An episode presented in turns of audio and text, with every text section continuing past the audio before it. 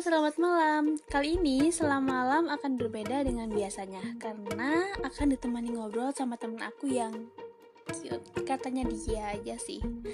Halo sis, gimana nih kabarnya? Hai Min, iya baik. BTW udah tahu kan kita mau ngomongin apa? Sudah siap dong pastinya. Udah siap dong. Oke, aku mulai nih. Kamu pernah gak sih tiba-tiba kagum aja sama seseorang, terus gak berani ngungkapin? Hmm, pernah sih. Cerita dong, asal mula bisa kagum ke orang itu gimana? Hmm, aduh, jadi malu nih.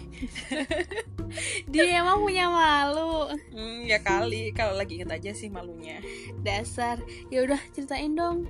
Hmm, jadi tiba-tiba itu ada seseorang yang datang. Padahal aku tuh anaknya itu sulit banget gitu loh buat baper sama orang. Ya you know me lah. Hmm, oke oke. Terus lanjut.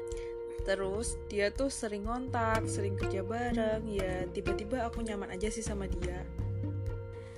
Oh, I see. Terus kelanjutannya gimana? Kok bisa sampai kagum gitu loh?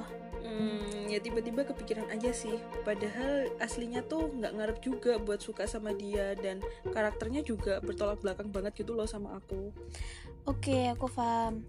Tapi menurutku orang yang suka dengan lawan karakternya itu menarik nggak sih? Kayak challenge tersendiri gitu loh.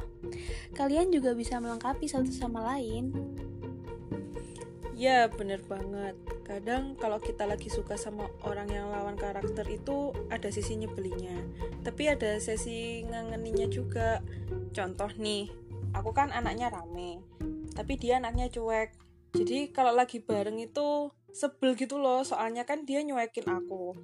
Tapi kalau lagi nggak bareng itu kita aku malah kangen sama dia gitu, meskipun dia nyuekin aku sih. Menurutmu gimana Min kalau kayak gitu? Ya kalau menurutku sih wajar-wajar aja. Soalnya tipe orang kagum satu sama lain sangat bervariasi. Jadi ya santai aja sih nggak perlu dibandingin sama orang lain juga. Hmm gitu ya. BTW makasih ya Min udah dengerin cerita aku.